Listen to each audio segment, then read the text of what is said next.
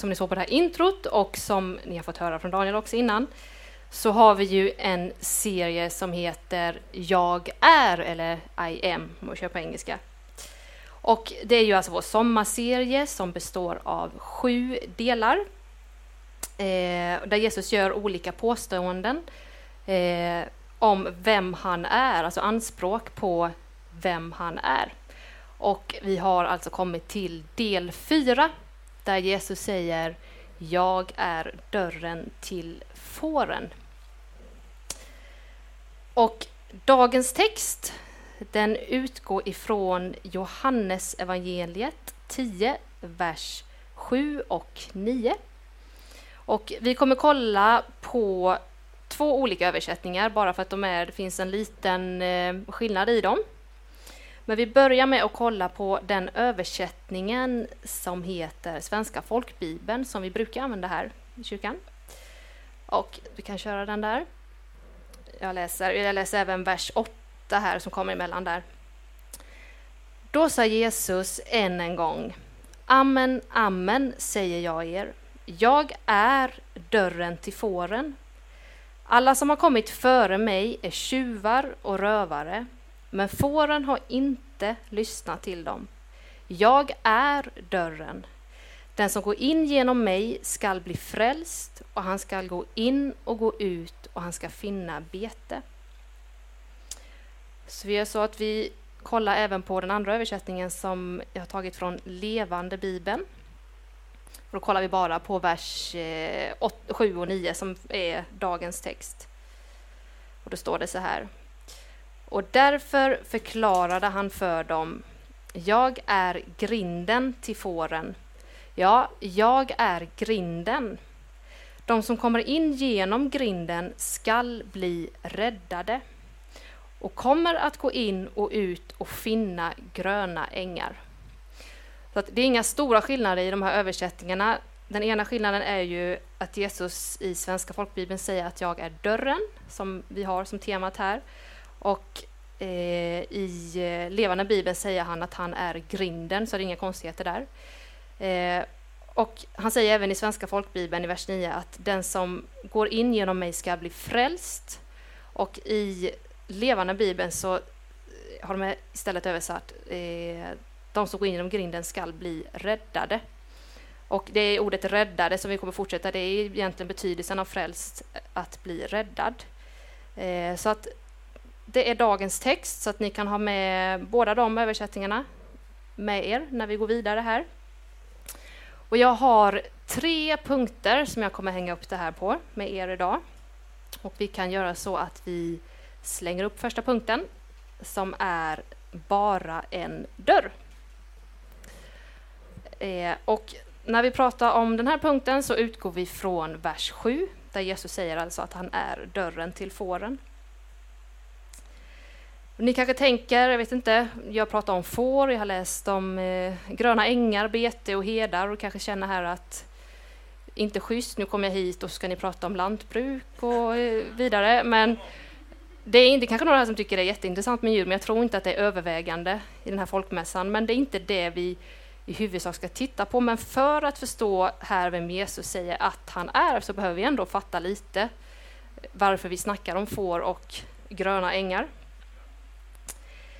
Eh, och om man kollar på hela kapitlet, alltså början av eh, kapitel 10, Johannes evangeliet, så har den som överskrift Den goda heden. Så det är alltid bra att kolla några verser upp när man eh, tar bara två verser så här i en text. Så vi ska kolla lite längre upp här från vers 1 i eh, kapitel 10, som alltså är den goda heden. För det är så att när Jesus eh, drog den här liknelsen första gången så blev han faktiskt inte förstådd. Så vi gör så att vi läser ett stycke till i Bibeln. Det är alltid bra att läsa mycket Bibel i predikan tycker jag.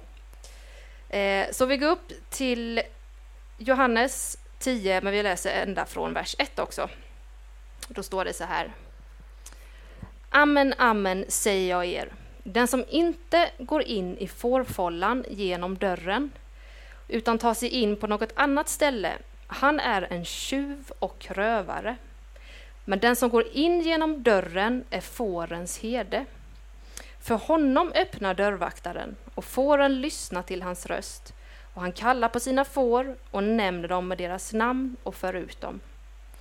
När han har fått ut alla sina får går han före dem och fåren följer honom därför att de känner igen hans röst.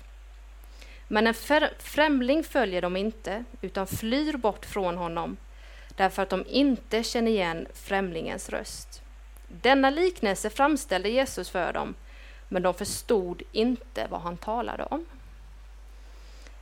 Jag kan själv säga att när jag har läst just det här kapitlet i Johannesevangeliet så när man läser det här första partiet, vers 1-6, så kan jag bli sådär oh, vad är Jesus i detta? Det är portvakt och det är, eh, det är någon som är grind och det är lite får. Och så läser man vidare till vers 7 istället där det står Jag är dörren som är lite tydligare. Um, så man, eh, jag är sån i alla fall att när jag läser en text så blir jag så här, okej, okay, jag är lite så otålig, jag tycker egentligen inte det är så kul. Eh, jag har läst lite teologi men jag tycker egentligen inte det är så kul att sitta och liksom, okej, okay, vad betyder det här ordet? Utan jag vill, tjopp, vad är det du säger Jesus? Men det funkar ju inte alltid riktigt så i Bibeln att man fattar på en gång. Som jag och Roger har varit hemma hos mina föräldrar nu här på semestern och då är det nästan varje kväll som mamma de har så här surroundljud och skön soffa och gillar att kolla på film. Så att nästan varje kväll så hamnar vi i soffan och kollar på en film. Och min mor, hon är underbar och god, men det är roligt. Jag vet inte om Hampus också hört det. Eh, men varje gång man sätter på en film och det börjar bli lite spännande så säger hon vem är skurken? Hon är från Flen. Eh, och man får alltid säga om du bara väntar lite så kommer du få se vem det är som är the good guy och the bad guy.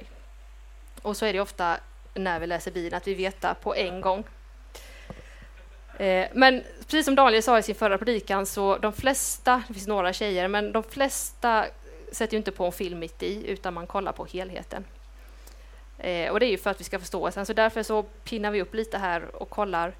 Det som man dock kan bli lite förvånad är ju att nu försöker vi gå tillbaka till en kontext och förstå ett sammanhang vad Jesus menade då, men man kan ju faktiskt tycka att vad var det för nötter han pratade till då som faktiskt levde i det här sammanhanget men ändå inte förstod, som levde med får och fårfållor men ändå så förstår de inte vad Jesus säger. Eh, och Jesus, Jesus skulle ju verkligen kunnat säga vad är grejen, hur, hur tröga kan det vara? Men Jesus gör ju inte det, utan han är full av kärlek och förklarar vidare. Men vi kan ändå bara, för att vi ska förstå närmare sen vers 7 och 9, så kan vi bara kolla eh, med vers 1 till 6 vad det egentligen är Jesus liknar vid här, så får ni större förståelse för vers 7 sen. Det fanns två typer av fårfållor, eller fårhager kan man säga, alltså där fåren var. Och den här som Jesus liknar vid här, det är den typ av fårfålla som man hade inne i städerna eller byarna. Eh, och det är helt enkelt så att det var en hage med får och så var det en portvakt som stod vid grinden eller vid dörren och den här portvakten hade helt enkelt till uppgift att se till när natten kom att inga obehöriga gick igenom den här grinden. Och sen när morgonen kommer så tillät portvakten hedarna att komma att ropa ut namnet på sina får. Fåren känner då igen respektive herde och heden kunde föra ut fåren på bete. Och det är alltså det här Jesus försöker likna, som då inte förstår att han är eh, den här heden som portvakten tillåter få komma och ropa ut sina får på bete. Eh, men i och med att folket inte förstod så säger inte Jesus okej, okay, ni har inte förstått, jag struntar i er, utan han är full av kärlek. Han ändrar liknelsen lite för att vi ska förstå och det är då vi kommer ner till vers 7 och 9 som är dagens text. Ehm, och då i vers 7 och 9 så beskriver han den här andra typen av fårfålla. Eh, så att den första fårfållan i vers 1-6 var den som fanns inne i städerna. Sen när vi kommer ner till vers 7 då är det den här fårfållan som finns ute på landet som han beskriver. Så vi berättar bara lite kort hur den ser ut också. Det är ute på landet, förmodligen på någon stor äng. Där eh, är det som en cirkel av stenar. Och eh, väldigt enkelt. Och I den här cirkeln av stenar så är det en öppning. Men där finns det ingen dörr eller grind utan där la sig heden själv för öppningen. för att vilda djur inte skulle kunna komma in i den här öppningen. Och det är den liknelsen som Jesus använder här när han säger ”jag är dörren”. Så han är alltså herden som själv lägger sig i gapet framför fåren. Ganska enkelt, eller hur? Ja. Ehm. Punkt ett var ju, om vi går tillbaka till den, det är alltså att det bara är en dörr. Och anledningen till att Jesus använder den här liknelsen, det är inte bara för att säga att jag är dörren, utan han använder den här liknelsen också för att säga han är den enda dörren. För i den här fårfållan, om det hade varit flera öppningar in här, Eh, om heden hade legat vid en öppning men att det hade funnits någon öppning längre bort så hade det varit helt värdelöst. Det hade inte spelat någon roll om heden hade räddat dem mot vilddjuren för det hade kunnat komma in på någon annan sida. Men så såg de inte ut, utan det fanns bara en öppning. Så därför är Jesus extremt tydlig egentligen de här liknelserna. Han tänker liksom flera varv till. När han, han drar inte bara till med något, utan det är genomtänkt. Um, så det är det Jesus säger när han säger att han är dörren. Han är den enda dörren. Och det finns ju ett känt bibelord på det här som säkert många har läst som blir ännu tydligare vad Jesus menar som är Johannes 14 och 6. Det här har de flesta säkert hört innan, men det säger Jesus till en av sina lärjungar, Thomas, som frågar. Säger han, jag är vägen och sanningen och ingen kommer till Fadern utom genom mig. Så det här bibelordet kan man alltså gå tillbaka till vers 7 där Jesus säger att han är dörren, han är den enda dörren in i fårfållan. Eller då, jag är vägen, sanningen och livet.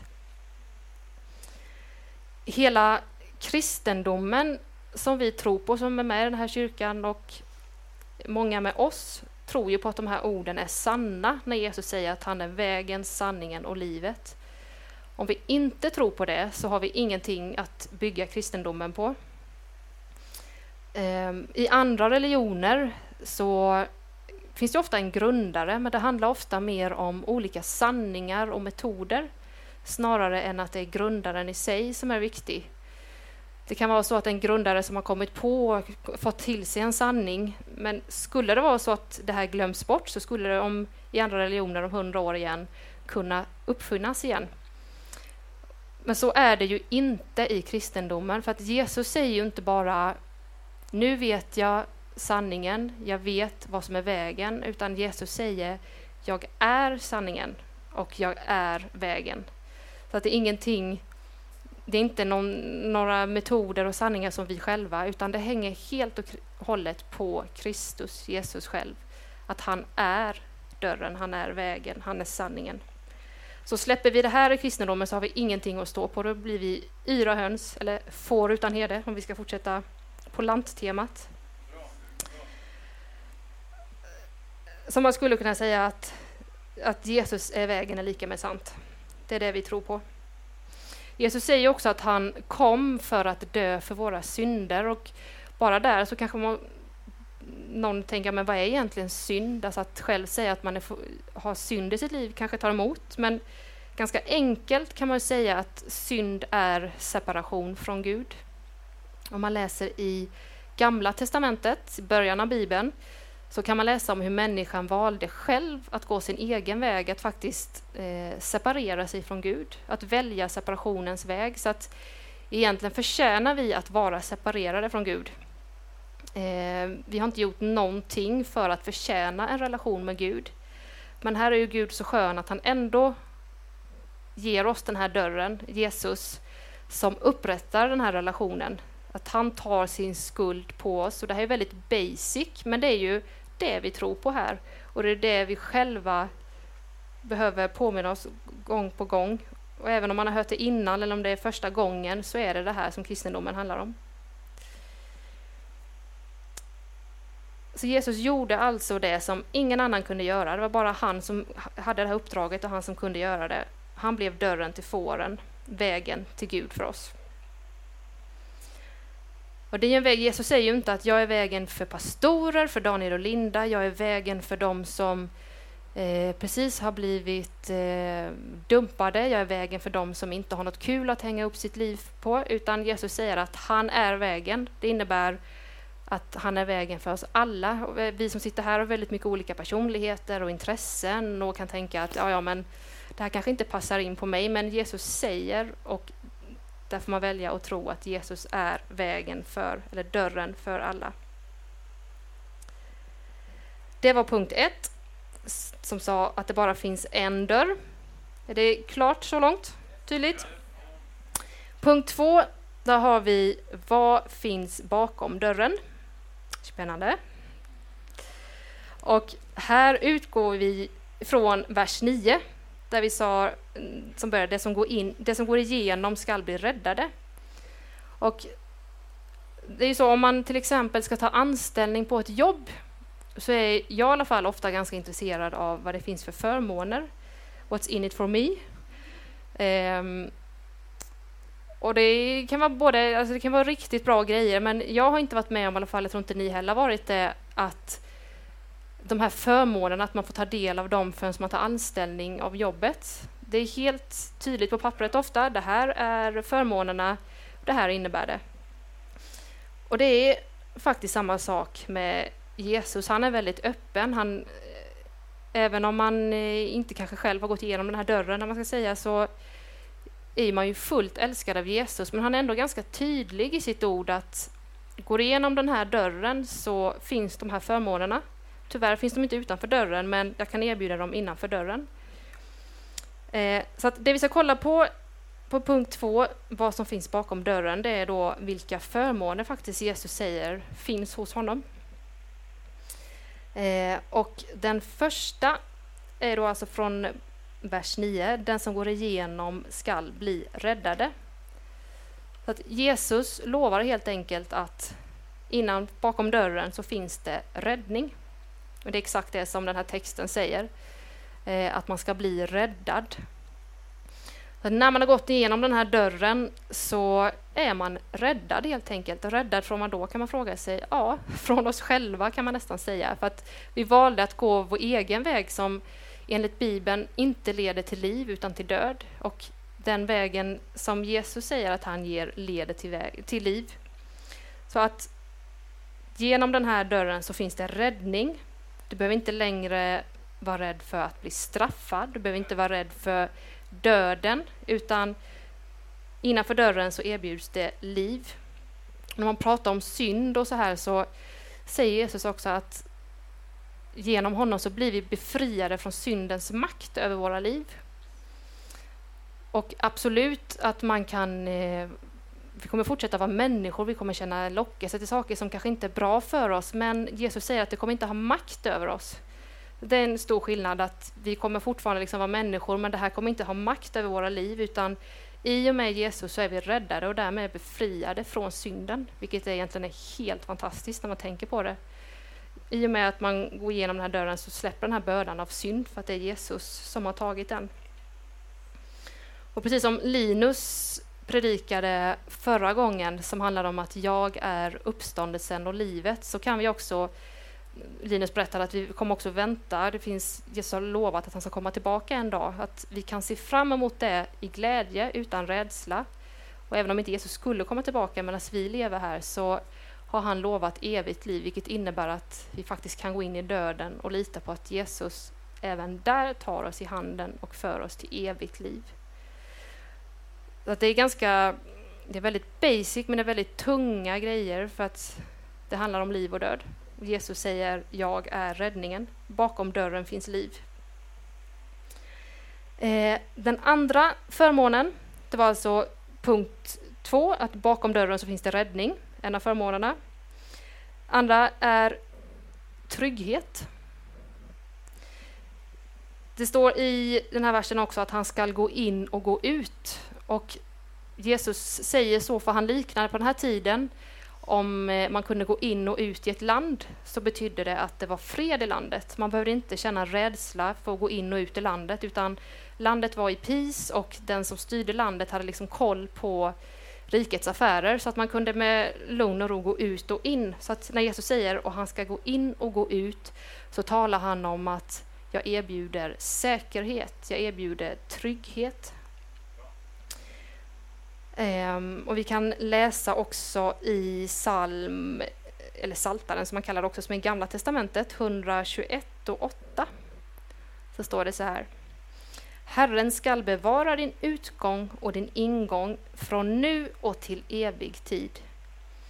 Och det innebär när vi säger att det är säkerhet och trygghet hos Gud, precis som Daniel pratade om innan, tror jag att det handlar inte om att inte vi kommer komma i några utmaningar eller att vi inte kommer uppleva sorg eller utan att i alla livets skeenden, som en annan översättning säger, Bibel 2000, så säger han att han ska bevara oss i sorg, i glädje, men att vi alltid kan ha det här grundmurande. Jesus själv säger att hos mig finns säkerhet. Vilket också är otroligt skönt. Det, så det finns alltså räddning hos Gud, det finns trygghet.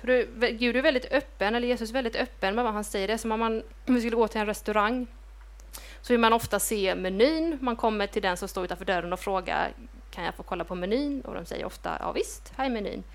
Och Jesus är likadan, han kör ju med öppna kort. Han säger ju inte det är en jättebra restaurang men eh, ni får inte se priserna och ni får inte se maten förrän ni ätit. Så att Jesus är precis likadan att det här är det och det här kostar det. Eh, så att det är räddning och trygghet och sista punkten under den här, eller sista förmånen under andra punkten är tillfredsställelse. Och då har vi det i vers 9, han ska gå in och ut och finna bete eller gröna ängar som levande bibeln skriver. Och då återigen det här, okej, okay, vad betyder bete? Är det att vi går härifrån till Vasaparken efteråt och ser att nice, här var det grönt gräs?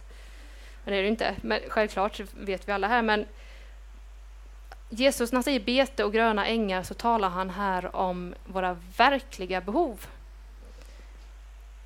Och det står i eh, återigen i psalm 37, 4-5.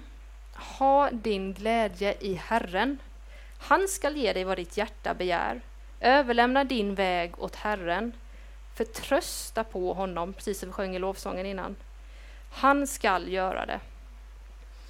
Och det här med begär, då kan man tänka att men jag har ju massvis begär, eller du kanske sitter just nu, ja, men jag vill ha den där tjejen, jag, jag får ju inte det, eller jag vill ha det där jobbet, men det kommer inte till mig. Men här handlar det mer om att lita på Gud, att han ser längre än oss. Han vet vad som egentligen är våra verkliga behov och våra begär.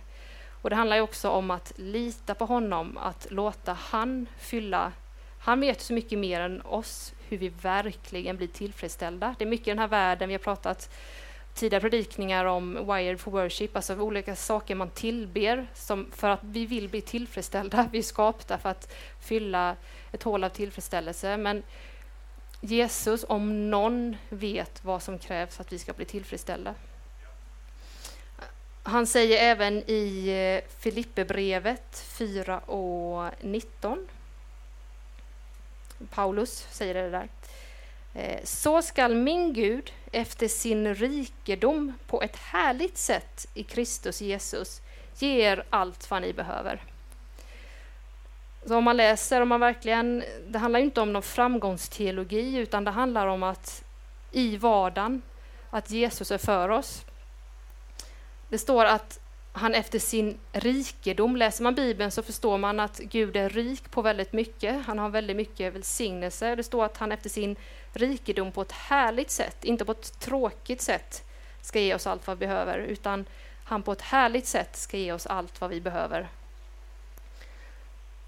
Och det kan ju innebära allt från jobb till eh, att bli av med ångest. Alltså det kan vara, vi har ju massvis med behov, men det, står, att, det hamnar hela tiden till att lita på att Gud förser oss. Att hos honom är den där tillfredsställelsen som vi alla så innerligt längtar efter hela tiden. Eller visst gör vi? Eh, vi kan kolla, vi tar ett bibelord till som är psalm 16 och 11. Och där, har jag bara gett dig en översättning, Andreas, men jag kör två. Det står i folkbibeln står det Du lär mig livets väg, inför ditt ansikte mättas jag av glädje. av ljuvlighet på din högra sida för evigt. Om man kollar lite i Bibel 2000 så står det Du visar mig vägen till liv. Hos dig finns glädjens fullhet, ständig ljuvlighet i din högra hand.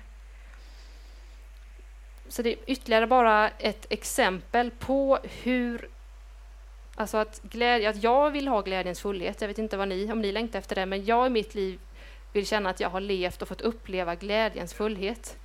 Och det säger Jesus att den är hos mig, ständig ljuvlighet i din högra hand.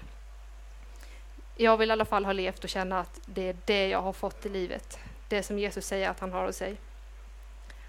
Så första punkten, det var alltså det finns en dörr. Andra punkten, kollar vi på vad som finns bakom. Och Jesus säger att han har eh, räddning, han har trygghet och han har tillfredsställelse. Så det finns väldigt mycket som Jesus säger i bara två verser. Vi kollar ju nu bara på vers eh, 7 och 9.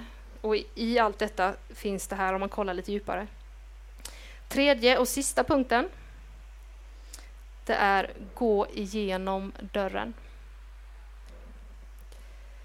Det är ju så att Jesus har ju verkligen gjort grovjobbet. Det är inte det att vi har gjort någonting. Han har dött för våra synder, vilket måste ha varit en fruktansvärd plåga. Att han valde liksom att han var fri från synd, men han valde att ha all min skit på sig.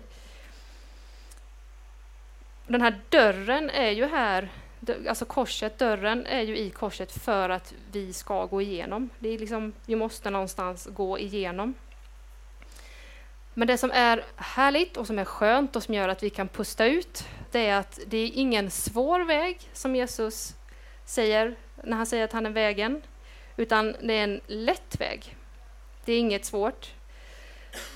När jag gick i eh, högstadiet, gymnasiet, eller tidigare mellanstadiet, eh, högstadiet, så hade man gympa, har säkert alla ni haft. Och något som jag fasade över när jag såg på schemat när man hade gymnastiklektion, det var när det stod redskap, tror jag det kallades då. Och det innebar ringar och där man skulle hoppa bock och det var, ja, man skulle vara lite smidig helt enkelt. Och jag var inte så smidig. Min syster var jättesmidig, hon brukar jula och hålla på, så jag brukar alltid stå och titta på henne på trädgården, men jag gjorde aldrig det själv. Eh, så att när det stod att det var redskap så tyckte jag, då jag fylldes med allt annat än glädje. Så jag kommer ihåg när man stod i kön lång kö som blir kortare och kortare fram. Alla kommer ihåg en box ut, va? Alla har hoppat bock här inne. En del kanske tyckte det var jättekul, så ni får tänka in något annat som ni tycker är hemskt. Men ni som känner med mig här nu kan se den här bilden framför er. En bock som man ska över, det är en kö som blir kortare och kortare och till slut känner man att okej, okay, nu är det min tur, jag kommer inte klara det. Så att mentalt hade jag redan inställt mig på, fy vad pinsamt. Och så springer man och av någon anledning så springer man, sprang, jag sprang bara saktare och saktare när jag kom fram till bocken och nästan gick och tog ett hopp. Och självklart så fastnar man på bocken och pinsamt så ska man hasa sig ner från den här bocken. Och det kanske inte är någon annan än jag som förstår det här, men jag hoppas att det är någon idag som, som har varit med om samma. Men det var i alla fall någonting som var väldigt svårt för mig och läraren sa ofta, ja det är bra Pärlan, eller Alexandra kallas Pärlan, det är bra, ställ dig i kön och försök igen så ska vi fylla i på pappret så blir du godkänd här sen. Men jag blev ju aldrig godkänd för jag kom ju aldrig över. Och du har ju någonting annat i ditt liv som säkert du tycker är svårt, men det sköna med det här är att Jesus säger inte jag är plinten eller jag är bocken. Jag är bocken som du ska hoppa över för att komma till Gud. för jag hade aldrig klarat det. Och men det, låter, det kan låta lite roligt, men den, ibland så tänker vi att vägen till Gud ändå är svår. Men den är inte svår, utan Jesus säger bara jag är dörren. Och jag tror alla här inne vet hur enkelt det är att gå genom en dörr. Och nu pratar vi liknelse, men det är så enkelt som Jesus säger att det här är vägen till Gud. Och att Jesus liknar sig vid en dörr, det är också om du tänker dig en dörr till ditt hem, så är det helt givet och självklart, tror jag, att alla ni här när ni kommer hem ikväll så när ni ska in i en lägenhet eller ett hus eller ni, hur ni bor så tar ni vägen genom dörren. Jag hoppas inte att det är någon här som, ah, det är en stege, jag går in genom fönstret och krossar fönstret. Eller jag slänger upp en lina och försöker hasa mig upp. Det är ingen här inne som är så dum tror jag inte, utan man, man går in genom dörren för att den är där för att passeras. Och det är det Jesus, och det är det vi i olika religioner och allting ofta försöker. Vi smäller in rutor och vi liksom försöker hasa oss in och vi kämpar och vi klättrar och försöker liksom komma in i det som vi, som vi alla egentligen kallar hem, tror jag. Alla människor längtar efter att bli älskade och få den här friden som och Jesus blir säkert för trött när han ser liksom, men vad håller ni på med? Det är en dörr, gå in i dörren, sluta panga rutor. Jag har sagt att jag är dörren. Eh, jag hittade en eh, bok, jag kan bara alla med på punkterna, det fanns en dörr, det finns något bakom dörren, vi behöver gå igenom dörren. Väldigt enkelt. Eh, men jag hittade en bok i vår dotters leksakslåda. Jag tror det kommer från Roger på något sätt. En gammal bok som tryckt typ 84, lite så här ful bok från 80-talet. Jag tror den har kommit med från Småland på något vis. Men den heter Barn skriver till Gud. Som är översatt från engelska av Elisabeth Rundqvist. Eh, tryckt 84, bara så att ni vet. Eh, men det är väldigt intressant att läsa det här för att det är väldigt roligt vad barn skriver till Gud.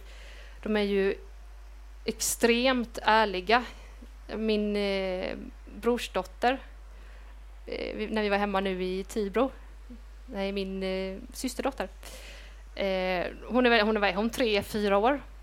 Så stod jag i linne, jag stod kanske och plutade lite här, men jag, fick, jag födde barn för åtta månader sedan. Då frågar hon, har du, vad har du i magen? Jag bara, men jag har ingen bebis i magen mer. Nej, är du bara lite tjock? Jag bara, ja, jag är bara lite tjock. Men barn har ju det här sköna att de bara säger vad som är på deras hjärtan. Vi har ju också egentligen det i oss, men vi vågar ju inte komma med de här grejerna till Gud alltid, för vi tror att vi måste kamma till oss lite. Men en, jag kan läsa vad en kille som heter Ted säger. Han säger så här i den här boken. Kära Gud, vi är väldigt religiösa hemma, så du behöver inte oroa dig för oss. Och en annan som heter Hasse, man har ju bara på namnet att det är från 80-talet. Hasse. Kära Gud, min lärare säger att Nordpolen inte ligger allra längst upp. Har du gjort några mer tabbar? Det här, det här skrattar vi åt, men det här tror jag finns mycket i oss, finns funnits mycket i mig, det här att oh, Gud, jag är tillräckligt religiös, liksom, oroa dig inte för mig, jag tror att jag fixar det här på egen hand. Eller okej okay, Gud, hur tänkte du nu? Vad, är det liksom, vad gör du för tabbar? Du har inte koll på läget. Att våga vara ärliga med att vi faktiskt har det här i oss. Men då har vi ju de goda nyheterna som är basic som säger att religionen är inte, religion är inte vägen till Gud. Och Gud gjorde inte några tabbar när han sände sin son till världen, utan Jesus är vägen till Gud. Och det, det är det Bibeln säger. Ehm, jag ska inte fortsätta, jag ser att tiden tickar på. Men om det är jag har upprepat det flera gånger. Men det enda Jesus säger är, det är att han är dörren. Att han är den enda dörren och han är den enda vägen till Gud i de här korta verserna, vers eh, 7 till 9. Och nästa söndag så kommer vi även få höra, för att anledningen de förstod ju inte i början vad Jesus sa, så den här liknelsen jag har berättat om idag var för att förtydliga det ni även ska få höra nästa gång, som är Jag är den goda heden återigen. Så det kan vara bra att komma ihåg till nästa gång. Men som sagt, bra att veta, man behöver inte kamma till sig när man ska gå igenom den här dörren, utan hos Jesus finns det bara kärlek, förståelse, acceptans. Det är ingen dejt där man kan bli ratad. För att avsluta med ett bibelord som, eh, inte prata så mycket kring det, utan ett bibelord som ni gärna kan läsa när ni kommer hem meditera över. Om ni inte har en bibel så se till oss så kan vi hjälpa er att få tag i en bibel. Det står det så här i Filipperbrevet 4 och 6 till 7. Då säger, står det, Paulus säger, gör er inga bekymmer för något, utan låt Gud i allt få veta era önskningar genom åkallan och bön med tacksägelse. Då skall Guds frid, som övergår allt förstånd, bevara era hjärtan och era tankar i Kristus Jesus. Ofta är det så att om vi inte gör oss bekymmer, jag i sådana fall, att man känner att nu har inte jag tagit ansvar. Den här texten säger inte ta inte ansvar, men den säger gör er inga bekymmer för något, utan låt Gud i allt få veta era önskningar. Inte genom oro, utan genom bön och tacksägelse. Då, säger Gud, då har jag plats att fylla er med min frid som övergår allt förstånd.